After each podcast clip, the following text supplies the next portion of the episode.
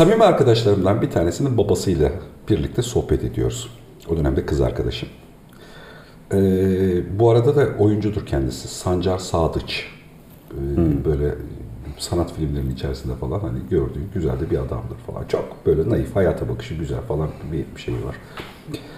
Sohbet ederken işte şeyi anlattı. Ee, işte 60'lı yaşlarına gelmiş falan. Ee, Biraz kendini yalnız hissediyor hayatla ilgili bilmem ne. Ee, Ezgi de ona şey dedi. İyi de dedi baba bunu sen tercih ettin dedi. Hani bu senin tercihin.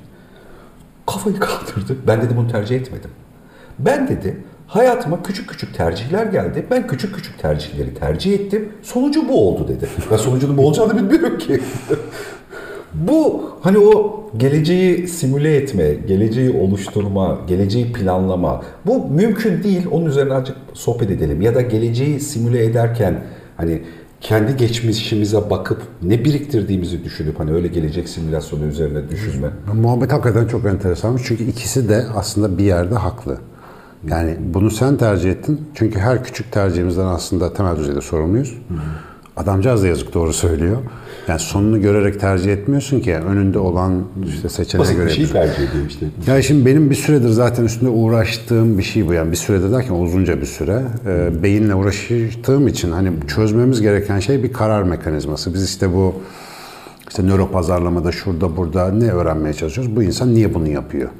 Şimdi özetle bir yani bu sorunun açtığı yerden beynin simülasyon sistemi diye bir şey var. O çok enteresan çalışıyor.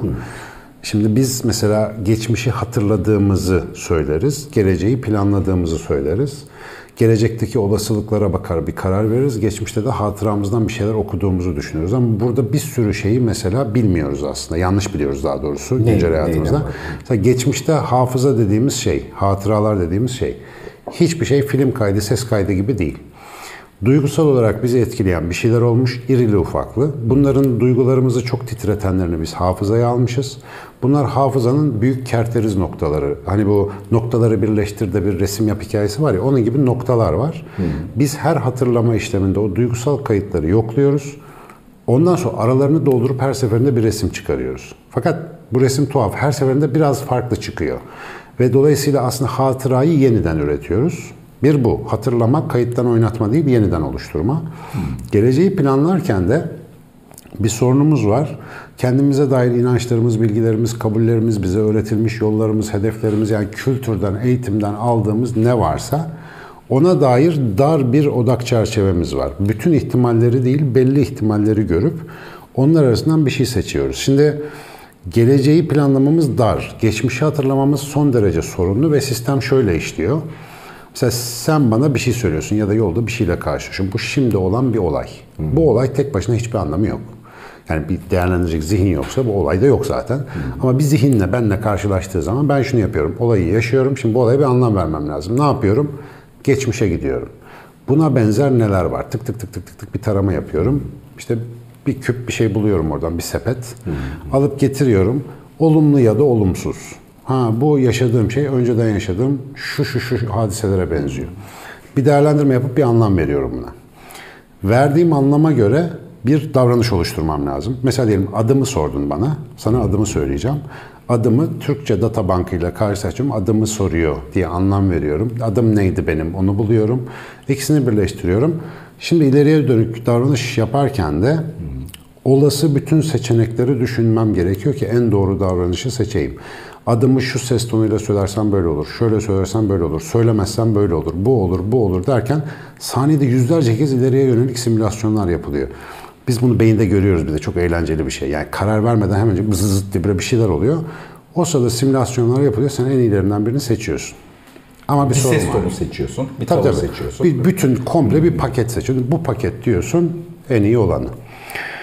Ama gönül isterdeki sistem böyle çalışsın. Böyle çalışmıyor. Bazı bu. Ama şu, geçmişte kaydettiğin anıların büyük bir çoğunluğu e, hayatta kalma sistemi olduğu için beyin seni hayatta tutmak üzere olumsuzlukları işaretlediğin yerler. Yani buna gittim elim yandı, buraya gittim diken battı, buraya gittim bir şey oldu. Bunlar hep böyle orada duruyor. Ve genellikle geriye doğru döndüğün zaman eğer bu hadise bir de riskli bir hadise ise tam olarak ne olduğunu bilmiyorsan ona anlam verirken olası en kötü senaryoyu seçiyorsun. Niye? Yeryüzündeki bütün beyinler böyle yapıyor. Önce kötü senaryoyu göze alırsan hayatta kalma şansın artar. Bir kere geriye yönelik çektiğim bilgiyle bugünü değerlendirirken bir çarpıtma oluyor zaten. Şimdi ileriye doğru simülasyon yapıyoruz.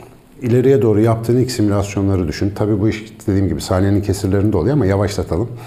Bir simülasyon yaptın, onun sonucunu hesap ettin, geri geldi. Simülasyon sonucu, rapor geldi. Dedin ki daha önce böyle yapmıştım, onda başıma şöyle gelmiş. Yok bu olmaz. Böyle yapmıştım, bu olmaz. Bak hep olumsuzluklara dair simülasyonlar tık tık gidiyor.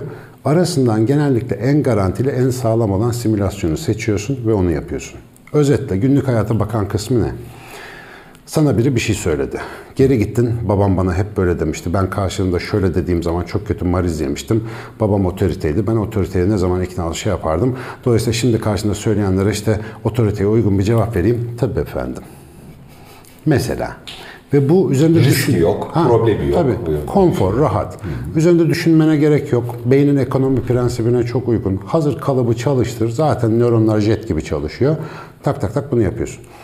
Peki bu davranış kalıbının dışına çıkmak mümkün mü? Mümkün. Ama Doğru anlamak Çaba için istiyor. Araya gireyim mi? Ee, Tabii, öyle, tabii, öyle yani daha, daha detaylı anlamak için. Şimdi iki tane üst üste problemden bahsetmiş olduk aslında. Bir tanesi biz geçmişle alakalı biriktirdiğimiz bilginin kendisinin kısıtlı olduğunu. Bir tabii, problem çok bu. çarpık ve bize ait bir şey. Ha, kısıtlı ve aynı zamanda negatif bir veriyi tutmayı tercih ediyoruz çoğunlukla. Şöyle düzelteyim. Pozitifi de tutuyoruz ama oradan bilgi çekerken negatif varsa onu önceliyoruz. Mesela travmalar niye bütün yaşantımızı çarpıtıyor? O travma her şeye çarpık ve kötü bir gözlükle bakmamıza sebep olduğu için. Çünkü orada sürekli diyor ki arıza var gene olabilir, arıza var gene olabilir. Hani travma temizleme bu yüzden işleri biraz daha rahatlatıyor gibi düşünelim. Olumsuzluk yanında olumluluk da var. Ama olumsuzluk varsa o sistemi Olumluluğun bozuyor. geçiyor Evet. sıralamanın içerisinde. E peki yani daha iyi bir simülatif gerçeklik planlayabilmek için yani gelecekle alakalı daha nitelikli olasılıklar ya da kendi sınırımızı genişleten olasılıklar planlama için arka tarafta biriktirdiğimiz hatıra dediğimiz hikayenin içerisindeki olumlu olumsuzu ayıklamanın teknik bir karşılığı var mı gerçekten? Var. Mesela güzel bak güzel gör. Olumlu düşün. Evrene gönder gelsin. Şimdi bunların hepsi ne diyor? Sikletçiler doğru söylüyor ya bağlayacağın gibi Şimdi- bakıyor. bir şey söyleyen herkes bir yerinden doğru söylüyordur zaten. Önemli olan bunu nasıl paketleyip sundukları ya da sattıklarıdır. O ayrı bir konu. Ama insan üzerinde düşünen herkesin fark ettiği bir şey var. Bir kere önce Can sonra Canan. Ben bakıyorum burada Mustafa Can. Mustafa Can dediğim şey Mustafa Can değil. Mustafa Can başka bir şey. Mustafa Can dediğim şey benim içimdeki Mustafa Can temsili. Çünkü ben onu algılayıp bir Mustafa Can oluşturuyorum ve şu anda onunla muhatap oluyorum. Seninle el sıkışırken tuttuğum şey senin elin gibi gözüküyor ama aslında ben elimin içerisinde oluşan bir hissiyatın beynim tarafından yorumlanmasıyla fiziksel teması bile kendi içimde bir temsil olarak algılıyorum. Şimdi böyle baktığında aslında bütün hadiseler ve değerlendirmeler içsel bir mevzu. İçsel değerlendirme sisteminin zayıflıklarını fark edersen, mesela biraz önce söylediğim şey bir zayıflığı, olumsuzu önceleme meselesi. Bunun üzerine gidebilme şansın oluyor. Bunun da hani kuş bakışı nasıl bir yolu var onu söyleyeyim. Çünkü çok detaylı bir konu girersek çıkamayabiliriz ama bizim beynin gelişimine bakalım. Yani evrimsel sürece, e, canlılık tarihine bakalım. Beyni olan canlılarda beyin niye var? Hayatta kalmak için. İnsan için de böyle. Bu zayıf canlı işte bir şeyler üretsin, hayatta kalsın, yiyecek bulsun falan. Bu survival mekanizm denen şey yani hayatta kalma mekanizması bizim beynin varlık sebebi. Şimdi bugün buna ihtiyacımız yok. Yani bugün biz zaten otomatik olarak hayatta tutacak bir medeniyet yarattık. Şehirli insandan bahsediyorum. Dağ başındaki arkadaşlar için bu söylediğim çok geçerli olmayabilir ama şehirli insan için beynin böyle bir derdi yok. Yaşam tehdidi yok. Yaşam tehdidi yok. Ya da çok Yani düşük işte seviyede. Yemek daha rahat Parmağını prize sokmasan sıkıntı Aynen yok yani. Ya da işte aç kalsam belki komşum bakıyor, belki devlet yardım veriyor. Yani bir şekilde hayatta kalmak daha kolay. Başka ne derdimiz oluyor bizim? Bu dert ortadan kalkınca bütün canlılık aleminde psikolojik stres üretebilen tek canlı biz oluyoruz bak. Burası ilginç. Mesela bir aslan durup düşünüp strese girmiyor. Ama biz durup düşünüp strese giriyoruz. Çünkü var olan bir bizi daraltan bir durum olmamasına rağmen anksiyete dediğimiz ya da travma dediğimiz bir şey yazıyor. Anksiyete var olmayan bir tehlikeye karşı hissettiğin gerginlik. Travma ise geçmiş bir hatıranın bugünkü acısı. Şimdi bunların tamamı biraz önce bahsettiğim sistemin çalışmasından kaynaklanıyor. Peki biz Bunları niye yaşıyoruz? Yani bu stresleri niye yaşıyoruz? Bakarsan komik ve trajik bir şekilde çoğu hayatta kalma endişesiyle ilişkili. Mesela yarın ne olacağım? İşte acaba başıma bir şey gelecek mi? Hasta olacak mıyım? Başarılı olacak mıyım? Para kazanacak mıyım? Şimdi bunların hepsi ne aslına bakarsan hani daha hayvani, daha alt düzeydeki bir hayatta kalma mekanizmalarının bizim zihnimize yansımış halleri. Bir kere bir rahatlayalım. Hayatta kalmak o kadar zor bir şey değil. Hani diyorlar ya gençsin, sıksan taşı suyunu çıkarırsın falan. Bir kere öyle bir şey var. Yani insan zorda kaldı mı çözer abicim. Bir şekilde bir yolunu buluyoruz.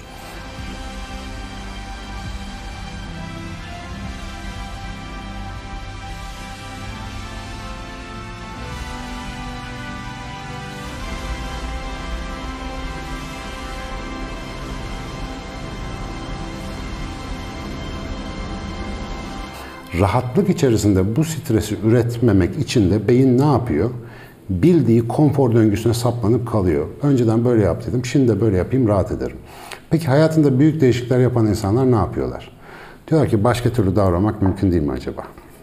Bunu da kendileri düşünmüyorlar. Etrafta bir arıza çıkıyor öyle düşünüyorlar yani. Ee, Yani etrafta bir arıza mı çıkıyor yoksa mesela bunu soracağım da yani bunun iç tetikleyicisi de olabilir, dış tetikleyicisi de olabilir. Yani hormonlarıyla da alakalı olabilir. Yani bir şeye itiraz ediyor durumu da olabilir ama yine de bir simülasyon zenginliğine sahip olmak gerekiyor o zaman. Yani öyle ya da böyle yani hani bu buradaki olası simülasyonları çoğaltma e, iki adımlı olacakmış gibi gerekiyor. Birincisi simülasyonun zengin olacak, ikincisi doğruyu seçme kabiliyetinde olacak. Hani olumsuzu sıyırma vesaire. Önce hani birincisinin üzerine abanalım. Simülasyonlarımızı daha zengin tutmanın adımı ne olacak? Hepimizin hayatında bunun için bir zaman vardı. Ve bu özel bir zamandır. Adına ergenlik denir. Ergenlik dediğimiz dönemde genç ne yapar? Ailesiyle, kültürüyle, içinde bulunduğu sistemle ters düşer. Bunu niye yapar? Orada kabul ettirilmiş olan zihinsel simülasyonların dışında yollar arar. Bu neden hala var, neden hep vardı ve neden hep olacak? İnşallah hep olur. Mesela psikiyatristler der ki ailesiyle sorun yaşamayan bir ergende problem olabilir. Çünkü o çatışma sağlıklı bir şey. Neden? O geleneğin dışında bir şey keşfediyor. Yani bir yeri deforme edip kendini oraya adapte etmeli çünkü insan. Standart cevapların dışında bir cevap arıyor. Şimdi insan türünün zayıflığı ve uyması gereken ortamların sonsuz çeşitliliği düşünüldüğünde her bir nesilde böyle bir arıza dönemi ya da dönemlerinin yaşanması. Bu arada 40 yaş bunalımı da buna benzer bir şey vardır ya. Motosiklet alıp dövme yaptırırsın falan 40'tan sonra. Mesela Onun Sırf olması... olması 30'umda aldım motosikleti. Yapmışsın kesinlikle sonra. Standarda uymak bize yakışmaz. Oradaki o zorlanma ve e, biraz da içgüdüsel olan o kalıpların dışına çıkma meselesi aslında simülasyon repertuarını arttırıyor. Yani annenin, babanın, çevrenin, işte ahalinin verdiği tepkinin dışında bir şeyler yapmaya çalışıyorsun. Bu gençler niye sağını solunu deldirip piercing taktırıyor? Niye efendim garip garip kaltılara giriyorlar? Arkadaş çevreleri değişiyor. Zaten bedenleri değişiyor, kendileri de değişiyor. Yani ergenlik süremizi uzatalım mı? Simülasyonu çoğaltmak için. Bak ağzımdan aldın. Ama Aynen yani bu. hayatta en korktuğum adam gerçekten bir uyuşturucu almış adamdan korkarım. İkincisi ergenden korkarım ya bu, bu konu. Kontrollü ergenlik diye bir şey diyelim o zaman. Hayır yani konuyla alakalı. Seçimli ya da kontrollü ergenlik. Senin çok güzel bir tarifin vardı. Ne, ne- nasıl tarif etmiştin onu? Ee, sorumluluğu olmayan ama her şeyle ilgili yetkisi olsun isteyen insan mı demiştin? Ee, Demişimdir. Ben ağzım kalabalık öyle Ama şeyler ergenlikle alakalı hiçbir şeyle Tabii, ilgili bir tabii. sorumluluğu yok ama Aynen. her şeye yetkisi var. Her şey aynen işte ülkeyi kurtarır. İşte daha önce şen şeyi konuşuyorduk. Arkadaş 20 yaşına gelmemiş Türkiye'nin en kötü dönemlerinden geçiyoruz diye tweetler atanlardan bahsediyorduk. Simülasyona ergen yani itiraz eden bir zihne sahip olmamı çeşniliyor. Şimdi bu ergenlik döneminin biyolojik faydasından esinlenerek normal bir adam ne yapar? Mesela bize bütün inovatif düşünce, yaratıcı düşünce eğitimlerinde şurada burada ya da motivasyonel konuşmalarda ne diyorlar? Tamam işte çalışın, görevinizi yapın falan filan ama kutunun dışından düşünün. Şimdi kutunun dışından düşünün demek kutunun dışında takılın demek değil. Düşünce özgür. Elbette ki fiziksel vücudumuzun yapabileceklerinin bir sınırı var ama düşünce serbest. Düşünceyle mesela şöyle olsaydı ne olurdu düşünmeye bile korkuyoruz çoğu zaman. Çünkü o konfor ve bildiğimiz davranış alanı bizi sıkıntıya soksa bile arkadaşının babasında olduğu gibi orada ilerlemeye devam ediyoruz. Beynin kuralı basit. Ölmüyorsan burada dur. Ölmüyorsan dur. Çünkü hayatı sürdürmek, survival yani bu işi bu. Dolayısıyla bizi öldürmeyen bir şeyi değiştirmek için adına bilinç dediğimiz, o farkındalık dediğimiz, işte sınırları kırmak dediğimiz özelliği bilerek ve isteyerek devreye sokmak lazım. Gençlere bu bir güdü olarak geliyor. Bir güdü olarak var. Ama hızlı geçiyor dikkat et. Nereden biliyoruz? Bak bütün bizim yaştaki adamlara sor. Çocukları için genelde diyorlar ki ulan biz de ergen olduk ama böyle değil. Yalan. Yalan yani. Böyle bir şey yok. Kesinlikle. Hepimiz öyleydik. Ama o devre geçtikten sonra unutuyoruz. Niye? Erişkin olup konforlu simülasyonlara sap, saplanıyoruz. Şimdi kızcağız doğru söylüyor. O seçti. Ama adam da doğru söylüyor. Bunu seçtiğini bilmeden seçti. Demek ki yani ben bunu niye uzun süredir kafa yoruyorum? Biz ne istiyoruz? Hani doğru tarafa gidelim değil mi? Hayatı doğru inşa edelim. Mikro seçimleri ne kadar zenginleştirirsen bir konuda vereceğin kararları gideceğin yön seni o kadar hayrete ve tatmine götürüyor. Çünkü simülasyonun gideceği yer belli. Geleneksel olarak bu kalabalık nereye akıyorsa sen de oraya gidiyorsun. Peki bu bunun içinde şu da var mı? Yaşadığımız her şimdiki zaman buradaki verdiğimiz hatıra bizdeki o geçmiş hikayeye dönecek. Yani geçmişteki hatıralar zincirine dönecek. Şimdi yaşadık ve bu bu an geçmişte bir hikayeye dönecek. O zaman nasıl bir şimdiki zaman yaşadığımız, nasıl bir geçmiş biriktirdiğimizle de ilgili. Çok. Hani biraz zamansal sıçrama varmış gibi. O yüzden yavaş anlatmayı tercih ediyorum e, bir şeyde. O yüzden Bu, bu doğru konunun bu arada dinleyenler şu anda benim biraz önce söylediğimden balatayı yakmış olabilirler. Ağır çekimde bir daha belki. Çünkü bu konuyu anlatmak çok uzun bir şey yani. Ama dediğin gibi hakikaten bunu bir yavaşlatmak lazım. Evet. Çünkü bence üzerinde düşünmeye değer bir şey yani. Ee, o zaman nasıl bir şimdiki zaman yaşadığı, burada nasıl hatıralar oluşturduğumuza itina edip öyle bir geçmiş yaratmak ve sonra da o geçmişe sırtımızı dayayarak gelecek simülasyonlara hayal etmek de gerekiyor galiba. Bu şimdiden başlayan bir şey. Aynen. Mesela şu anda çalışıyor sistem. Şimdi şu anda e, mesela daha önce bir Grikoş'la beraber çektiğimiz bir video vardı. Mesela orada bir laf söylemiştim. Şu anda biliyorum demiştim. YouTube'dan bizi izleyen gençler çarpı bir buçukta izliyor diye. Şu anda bizi izleyenler de genellikle öyle izliyorlar. Videonun altındaki yorumlara baktım. Hocam nereden bildiniz gerçekten bir buçuk şu anda çok utandım falan diye bir sürü insan yorum yazmış. Şimdi bu bir kehanet değil. Ama biz bunu otomatik olarak yaptığımız bir şey. Ve ben onu orada söyleyince bazıları çok azı diyor ki ya bir dakika ben niye bir buçukta seyrediyorum? Ya bir buçuk hızda niye izliyorum? Bu kadar acelem nedir? Tak bir farkındalık anı. Daha yavaş izlesem ne olacak? Yeni bir denemeye giriyor. Şimdi bu anda bir dışsal bir şeyle bunu yapmak daha kolay. Birisi mesela şu anda bu videoyu seyrederken ya hakikaten bir bunun üzerinde düşüneyim diyebilir, demeyebilir. Ama bir de bunu alışkanlık haline getirip özellikle kriz yarattığını bildiğin durumlarda ya da yeterince kendini ifade edemediğini düşündüğün durumlarda o durum geldiğinde bunu düşünme alışkanlığını önceden çalışmak. Mesela şu hissi bak kaç kere yaşadım bir düşün. Trafikte bir durum oldu, öğretmen bir şey söyledi, iş yerinde toplantıda bir sıkıntı çıktı. Oradan çıktıktan sonra dedin ki lan keşke şunu deseydim.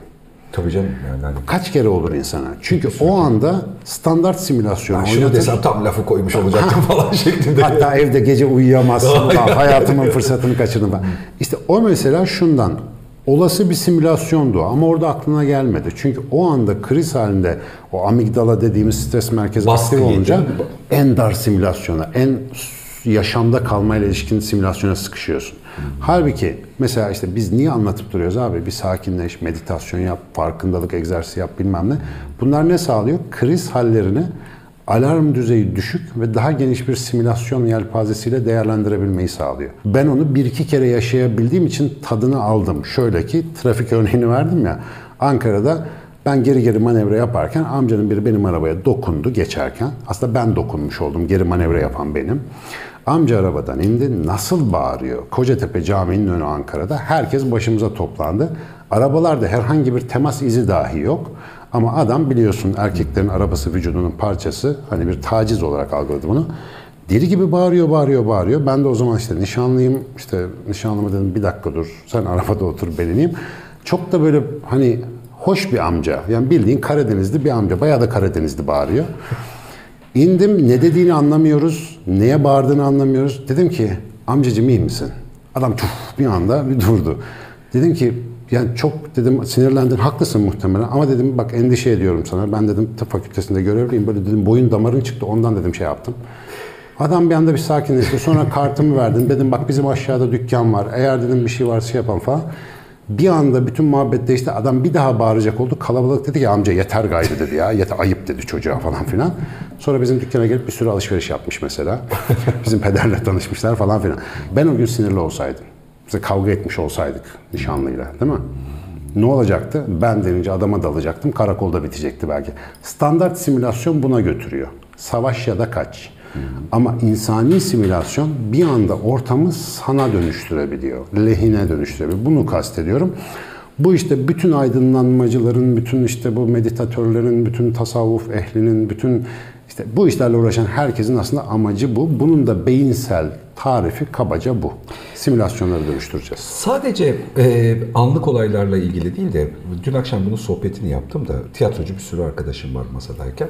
Herkesin e, tiyatroyu bir simülatif alternatif olarak kabul ettim e, bir şeyde. Herkesin bu alternatifi tercih etmesi için nasıl bir süreçten geçmiş olduğunu sorgulattım. Hani tiyatrocu mu arkadaşlar? Yani arkadaşlar hep tiyatroyla ilgili, konsantre, Hı. hatta bazı işte yönetmen vesaire falan, bazısı Hı. da ilgili yani yakın izleyici. O simülasyonların içerisinde tiyatro olabilirdi, sanatın bir şeyi olabilir, sanatla hiç ilgilenmeyen birisi olabilirdi falan. Tiyatroyu tercih etme bir simülasyon alternatifini tercih etme hali ya. Evet. Hani bununla ilgilenmeyi biriktirme. Evet. Şimdi nasıl bir geçmişte ne yapmış olmalısın ki tiyatroyu o simülasyon olarak aradan seçtin, ayırt ettin ve hani o daha uzun. Hani anlık verilen bir beyin refleksi değil de daha uzun sürede verilen bir reflekste. Bunu sorguladığımız bir muhabbet yaptık yani. Ne karşılaştı, ne oldu falan. Mesela arka tarafta mevzu şeye bağlanıyor. Sahnede bir şey anlatıyor olmak duygusu tutkusuyla ilgili bir şey. Hani bunu çok örneğini evet. görme. Elbette herkes bu, bu arada bunu bir tiyatro sahnesinde örneğini görmüş. Ortaokulda görmüş, ilkokulda görmüş. Ondan çok etkilenmiş. Yani etkilenmiş. bir alternatif Hı görmüş fiziken yani o, o yüzden dedim şimdiki zaman önemli geçmişe bırakırken işte o şimdiki zamanda onun ailesi ona onu katmış. Hani o tiyatroyu görme, onu, onu şey yapma. Sonra bunu çok etkileyici bulmuş. Zaten sanat bulmuş. üretiminin önemli bir şartı maruz kalmaktır. Evet, e, şeyde o maruz kalmayı kaydetmiş. O maruz kalmadaki sükseli şey tarafına tav olmuş, ikna olmuş. Sonra Orada yavaş yavaş ilk önceki ilk hevesleri de daha saçma heveslerken sonra gittikçe biriken makul heveslerde bazısının mesleğine dönmüş, bazısında çok Aynen. ilgili bir alanına dönmüş. Ki hayatım. bu hiç boş geçmez. Yani mesleğin olmasa da böyle bir ifade tarzıyla uğraşmak, müzik olur, tiyatro olur, sanatın herhangi bir dalı olur. insanı kalıcı olarak dönüştürüyor. Çünkü sanat zaten var olmayan simülasyonları yaratma demek. Yani bak buraya dikkat. Sanat neden sadece insana has bir şey? Bütün canlılar standart bir e, işte etki tepki reaksiyonu içinde yaşıyorlar. Bu simülasyon sistemi dediğim şey çok basit düzeyde kullanıyorlar. İnsanınki ise o kadar geniş ki yani her sene sanat galerilerini dolduran eserlere bak ya insan evladı nasıl bir şey diyorsun yani. Ha çok tuhaf işler de var ama muhteşem şeyler de var. Ve bunların tamamı aslında kafaya yaramazlık yapma izni vermenin sonucu. Sana bir kere alternatif bunu, bir gerçeklik tabii, oluşturuyor, tabii, geçici. Bir, bir kere bunu tat. Bir kere tat, bir bırakamazsın. Çünkü artık o döngünün içine sıkışamazsın. İşte o yüzden sanat protest, o yüzden sanatçı ya da sanatçı ruhlu insan arıza. O yüzden kalıplara sığmıyor. İyi ki sığmıyor, kalıpları genişletiyor. Ki biz daha rahat hareket edebiliyoruz. Tabii bir şeyleri iyi tekrar eden insanlara da sanatçı denen garip bir dönemden geçiyoruz. Yani iyi piyano çalmak sanatçı olmak demek değil. İyi resim yapmak değil. Printer en güzel resmi yapıyor, yapay zeka en güzel piyanoyu çalıyor. Yaratmak. Mesela Fazıl Alternatif bir örüntüyü yaratmak. Fazıl Say'ın o caz formatında çaldığı Türk marşı yapay zekaları topla yapamayacağım bir şey.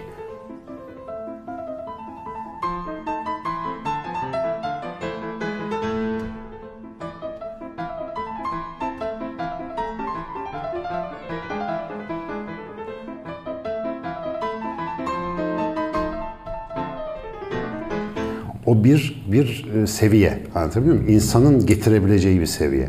İşte bu simülasyon zenginliğinden kastım bu. Çok e, nasıl diyelim soğan zarında bir hayat yaşadığınızı fark ediyorsunuz. Zihnin bu özelliğini anladığınızda o zaman ey Türk gençliği ilk vazifen ne oluyor? Cidarları genişletelim. Edebiyat. Murat Menteş söylemişti. Daha önce ifade etmiştim. Muhtemelen bir programda çok anlatırım çünkü. Edebiyat ne kadar okursan günlük hayattaki davranışın o kadar zenginleşir. Çünkü edebiyat sana bilmediğin davranış kalıplarına dair. Şimdi ben de cümle öğretir. olarak buna bağlayacaktım. Yani öyle ya da böyle daha geniş bir alternatif gerçek hani paralel evrende de aslında simülasyon dediğimizi öyle de anlatıyor yani. Tabii. Bir sürü tercih edilebilirlik yol var. Önce yolların ne kadar çok olduğunu fark etme ya da bu yolları çoğaltmaya sonra da senin için en sağlıklı, lezzetli, iyi seçeceğin yolu seçmeye iki adımlı. Ama daha çok yolu fark etmenin kuralı daha çok alternatif gerçekliği görmeyle de alakalı. Bir Bak şey yani. daha söyleyeyim bununla ilgili. Şu anda bak özellikle mesela YouTube'da izliyorlar bizi. Bu içerikleri tüketen insanlar dolayısıyla internet içeriklerini kendilerini bir hafta boyunca izlesinler. Hangi içeriklere dikkat kesiliyorlar, hangi içerikleri bu benimle ilgili değil diye kapatıyorlar. Bunu kendileri yapmıyorlar. Bunu zihinsel simülasyonları onlara zorluyor. İnsani olan, zor olan bu bana ters geliyor, bir dakika bir dinleyeyim. Bu bildiğim bir şeyi tekrarlıyor, ben bunu geçeyim diyebilmek. Ama konfor devresi ne yapıyor? Aynı benim gibi düşünüyor. Ben bunu sabahtan akşama dinleyeyim. Ya da kim lan bu? Basayım geçeyim. Bu kadar. Yani insan bilmediği şeye dikkat eder normal. Bir de tabii bir şey de var işin içerisinde. Çok küçük açlıkları da giderme. Tabii, tabii, yani. Acık, acık heyecanlanmaya ihtiyacım var. Tabii, Aksiyon tabii. bir şey izleyeyim ya da Ya işte. da desteklenmeye ihtiyacım var mesela. Benim özellikle takıldığım yer burası. Normalde bildiğin bir şey dikkat istemez. Bilmediğine dikkat vermek zorundasın. Ama biz ne yapıyoruz? Konfor gereği bildiğimize dikkat edip bilmediğimizden kaçıyoruz. Al sana simülasyon sistemi bir insanı nasıl toprağa gömer? Bunun da bir örneği. Yarın bir gün arkadaşının babası gibi diyecekler. Ya ben güzel güzel yaşıyordum ama bu benim başıma niye geldi? Biz uyardık. Biz uyardık. Yani Ama e, oradaki anlattığım hikayede e, haksızlık etmek istemiyorum Sencer abiye.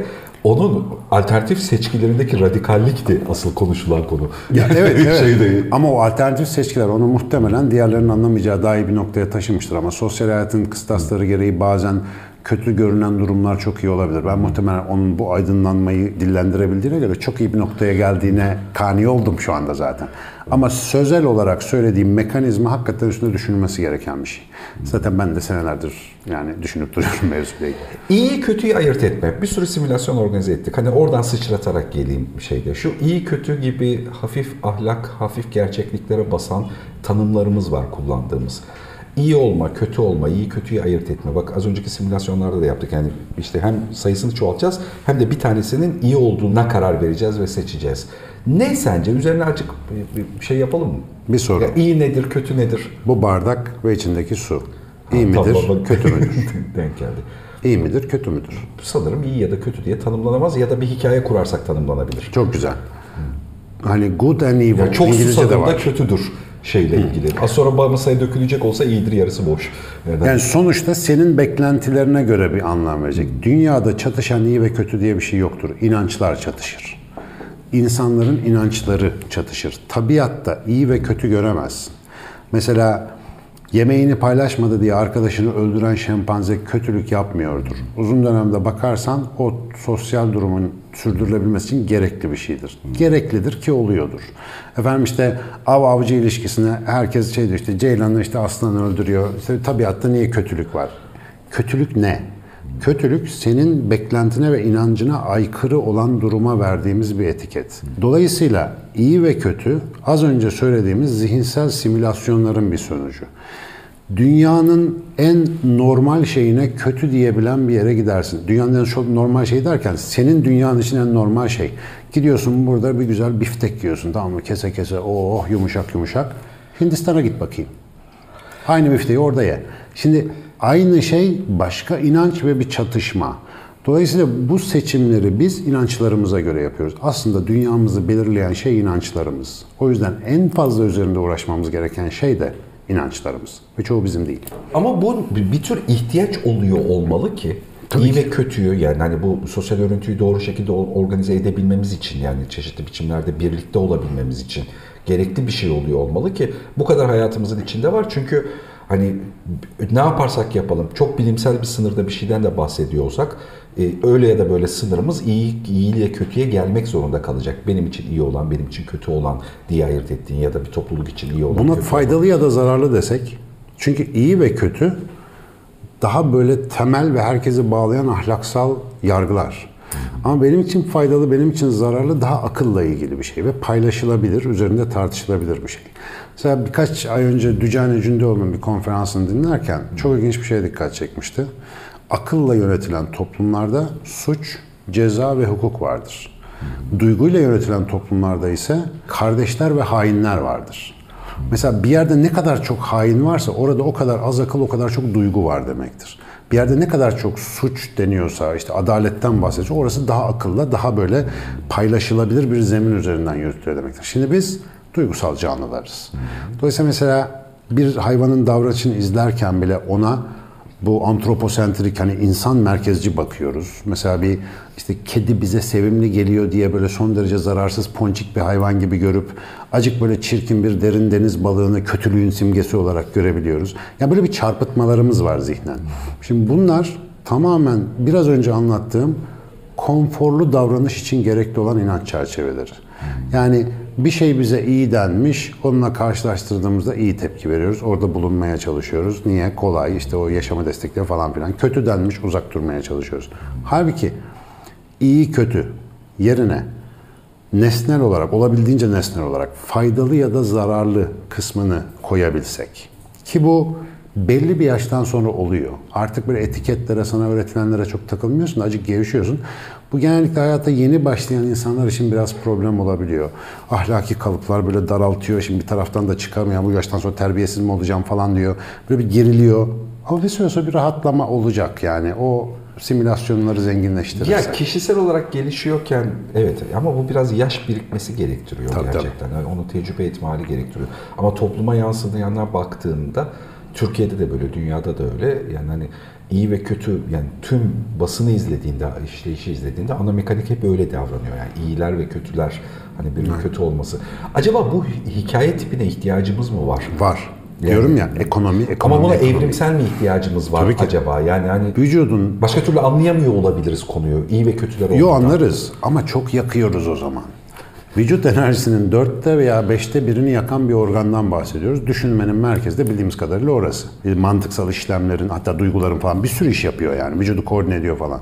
Şimdi bu tarz her an farkındalıkla, her an bilinçle bilmem ne yaşayayım desen patlarsın yani. Bu sistemin optimal bir noktada çalışma zorunluluğu var. Nedir o? %95 hareketini otomatik pilotta yapacaksın, düşünmeden yapacaksın. %3-5'lik bir dilimde de felsefe yapacaksın, düşüneceksin, işte hayatına yön vereceksin, bir şeyler İtiraz yapacaksın. edeceksin.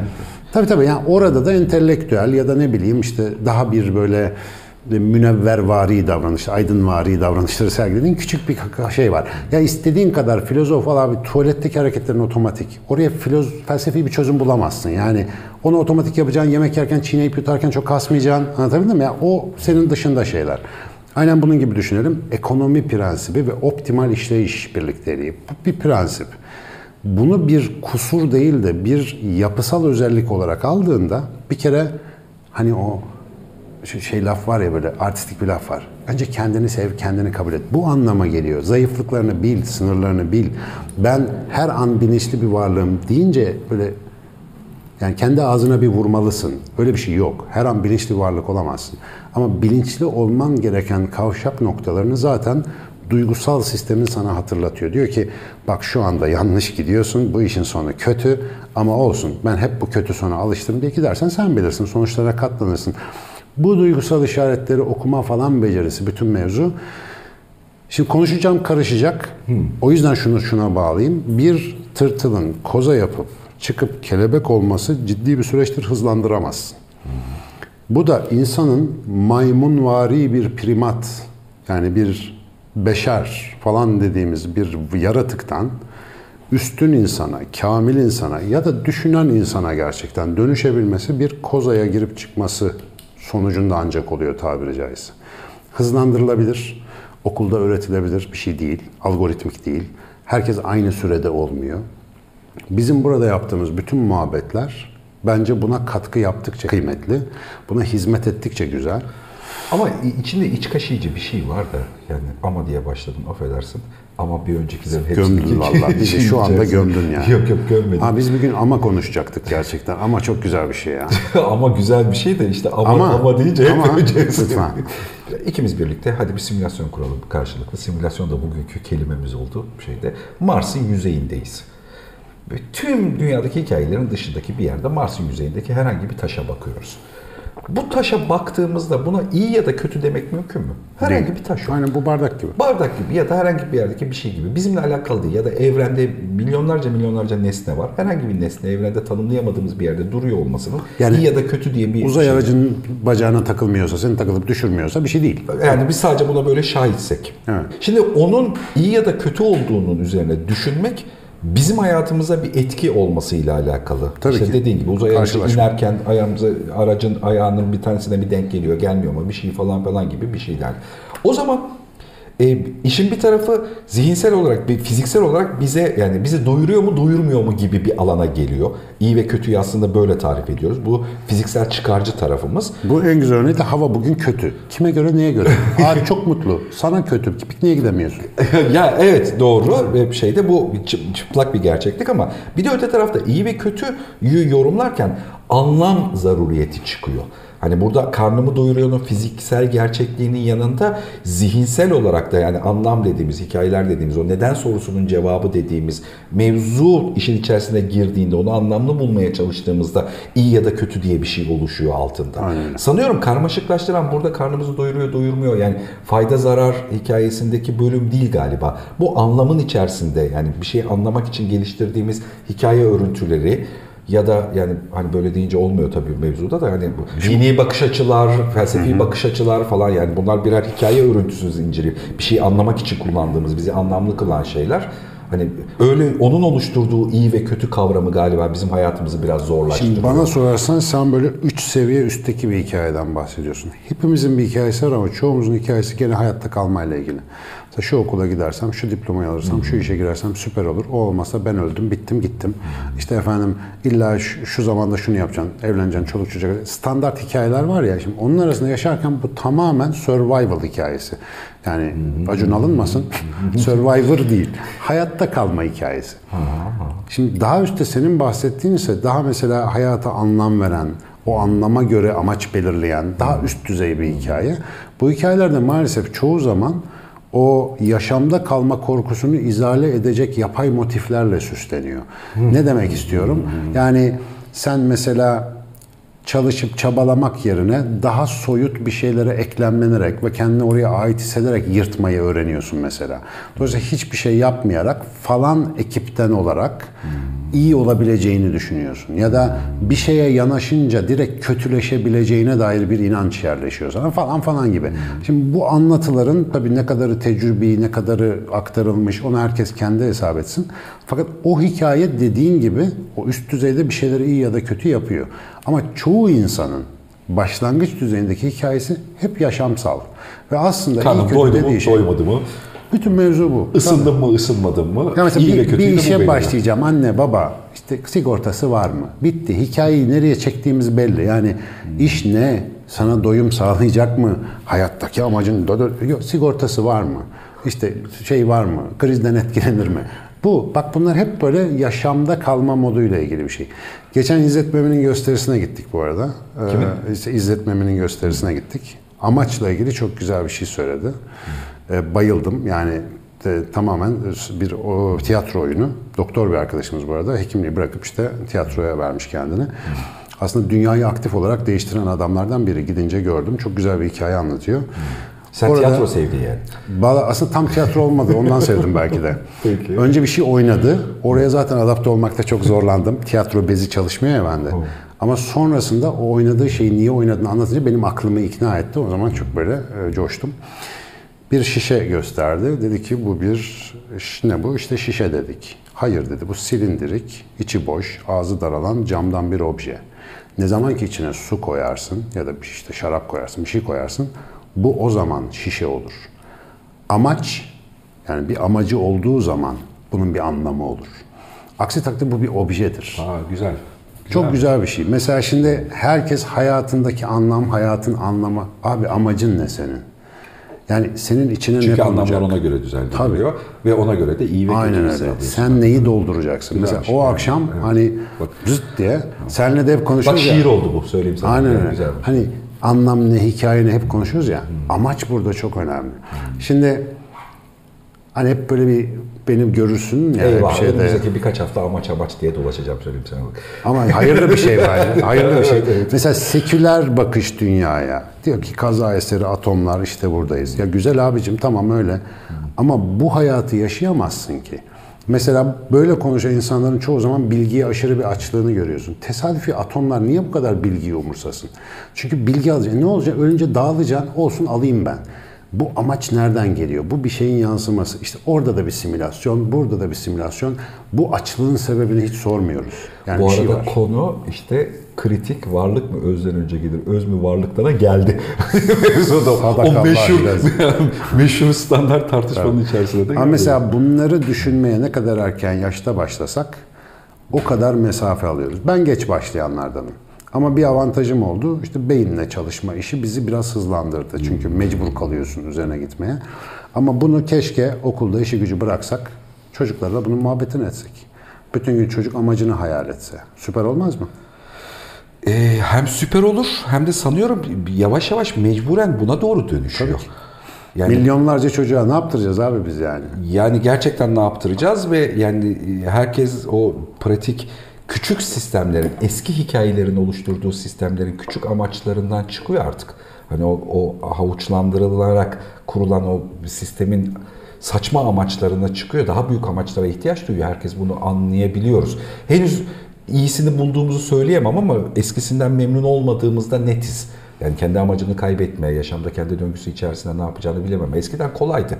Amacın işte hızlı şekilde koşturarak bankaya girecek, çalışacak, çocuk yapacak, doğru kadınla evlenecek, biraz para biriktirecek, mümkünse yaşlaşlarından daha erken ev satın alacak. Arabayı da babayla beraber çözdüysen önce bilmem ne falan. Yani bir amaç hikayesi kuruluyor ve bu amaca ikna idi. E şimdi insanlar bu amaca bu kadar da ikna değil. Bu, bunun yerine şeyi koymaktan da. Simülasyonlar bozuluyor. Aydınlanma zaman denen zamanlar böyle zamanlar. Alternatifler oluşuyor. Ama burada şöyle bir yanılsama da oluşuyor. O küçücük simülasyonun bir tık dışına çıktı mı kendini her şeyi çözmüş zanneden tipler. Tekrar ediyorum. Sonsuz olasılıklar arasında minnacık bir anahtar deliğinde yaşıyoruz yani. Oradan gerçeği gözlemlemeye çalışıyoruz. Sakin olalım. Yani zihnin simülasyonla çalıştığını bilmek demek aydınlanma artistliğine girmememiz gerektiğini de söylüyor aynı zamanda. Ya böyle bir şey yok. Bilmeme, Çünkü aydınlanarak çözebileceğin kadar büyük bir evrendeyiz. Hani Aynen. öyle öyle çok büyük bir evrendeyiz tüm hikayelerde. Mesela bak ne geçen, geçen bir fenerle bir yere bakıyoruz. biri anlattı ya kim hatırlamıyorum da su su içerken dedi küçükken suyun ne olduğunu bilmediğimi fark ettim dedi. Kendini kaybetmiş. Her gün içtiğin şey ya kim biliyor suyun ne olduğunu? H2O diyen varsa boş konuşuyor. H2O bir şey bilmek demek değil. Birinin anlattığı bir alt metni ezberlemiş olmak demek. Yahut kimyacı da olsan hidrojenle oksijenin birleşip patlama sonucu bir sıvı yarattığını bilmek, suyu bilmek değil. Suyu bilmek çok zor bir şey. Suyu bilmek için evreni anlamış olman gerekiyor. Dolayısıyla bilmemek noktasından başlayıp çocuğun yaptığı gibi önündeki bardağa dahi merakla bakarak acaba dediğin anda simülasyonlar açılıveriyor. Ama lak içip geçtin, iş bitti. Bu sudan nasibini alamıyorsun abi. Sistem bu. İşte o yüzden anlamak için dur. Anlamak için dur. Yani parola bu. Bir dur. Bir bak. Kavga etmeden önce bir dur. Adamın bir gözüne bak. Ne diyor bu? Kim bu? Daha doğrusu bendeki o temsil ne? Ben neyle kavga ediyorum? İşte karşıdaki dedik ya karşıdakindeki kötülüğü görebilmen için o kötülükten sende bir parça olması lazım. Ve karşıdaki iyiliği algılayabilmen için Bunu ne zaman dedik ya bu iyi bir şeymiş diye. bir yerde demiş ol. Burada demedik mi? Yok, demedik. Başka bir yerde demişim. Benim ağzım kalabalık bir yerlerde diyorum. Güzelmiş bu. Ama böyle. Yani mesela Türkçe bilmeden Türkçe sözcüğü anlayamazsın. Sadece sesler gelir sana. Ama onun anlamını anlayabilmen için onun karşılığının sende yüklü olması lazım. İyilik ve kötülük de böyledir. İyi diyorsan sendeki iyilikten, ona kötü diyorsan sendeki kötülükten anlayabiliyorsun. Yani bunun tanımı da hikayesi de sende. Bilgisayarın masaüstü. Bir düğmeye basıyorsun tema değişiyor. İkonların rengi değişmiyor. Çalışma sistemi aynı. İçeride hiçbir kod değişmiyor. Sana görünen kısmı değişiyor. Hayat böyle. Ve maalesef bir düğmeyle değişmiyor. Sana demin dedim içeride konuşurken. Bir şeyler okuyorum, dinliyorum. 20 sene önce ben bunları okuyup dinleseydim yapmazdım. Yani ne saçmalıyor lan bunlar diye atardım. E, bir de işte o zamanki anlamlara da oturmuyor da. Tabii ki. Hormon Tabii. vesairesi falan bir sürü başka İşte o kafadaki cidarları açma. Bir bu kimlik sınırlarını konuşuruz bir gün. Yani o ben dediğimiz şeyin ne kadar dar bir şey olduğunu fark ettiğimiz zaman bütün ömrümüzü o beni genişletmeye ayıracağız zaten. Benim mesela safi çabam buymuş. Yeni adını koyabiliyorum birkaç senedir. Aslında beni genişletmek. Çünkü dünyaya dair ne varsa dinlediğim ve anlattığım benimle ilgili. E, ben kelimesi ego ile birlikte çok kullanılır. O- ama senin söylediğin ben o ben değil. İçinde ego da var ama ondan daha büyük ama aslında çok küçük bir şey. Ben diye evrenden ayırdığım bir algıdan bahsediyorum. Şimdi girersek buna e, Türkiye buna hazır değil. Çıkamayız. Biz bir sonraki şeyde hazır oluruz. Onu Hazır- orada hazır oluruz.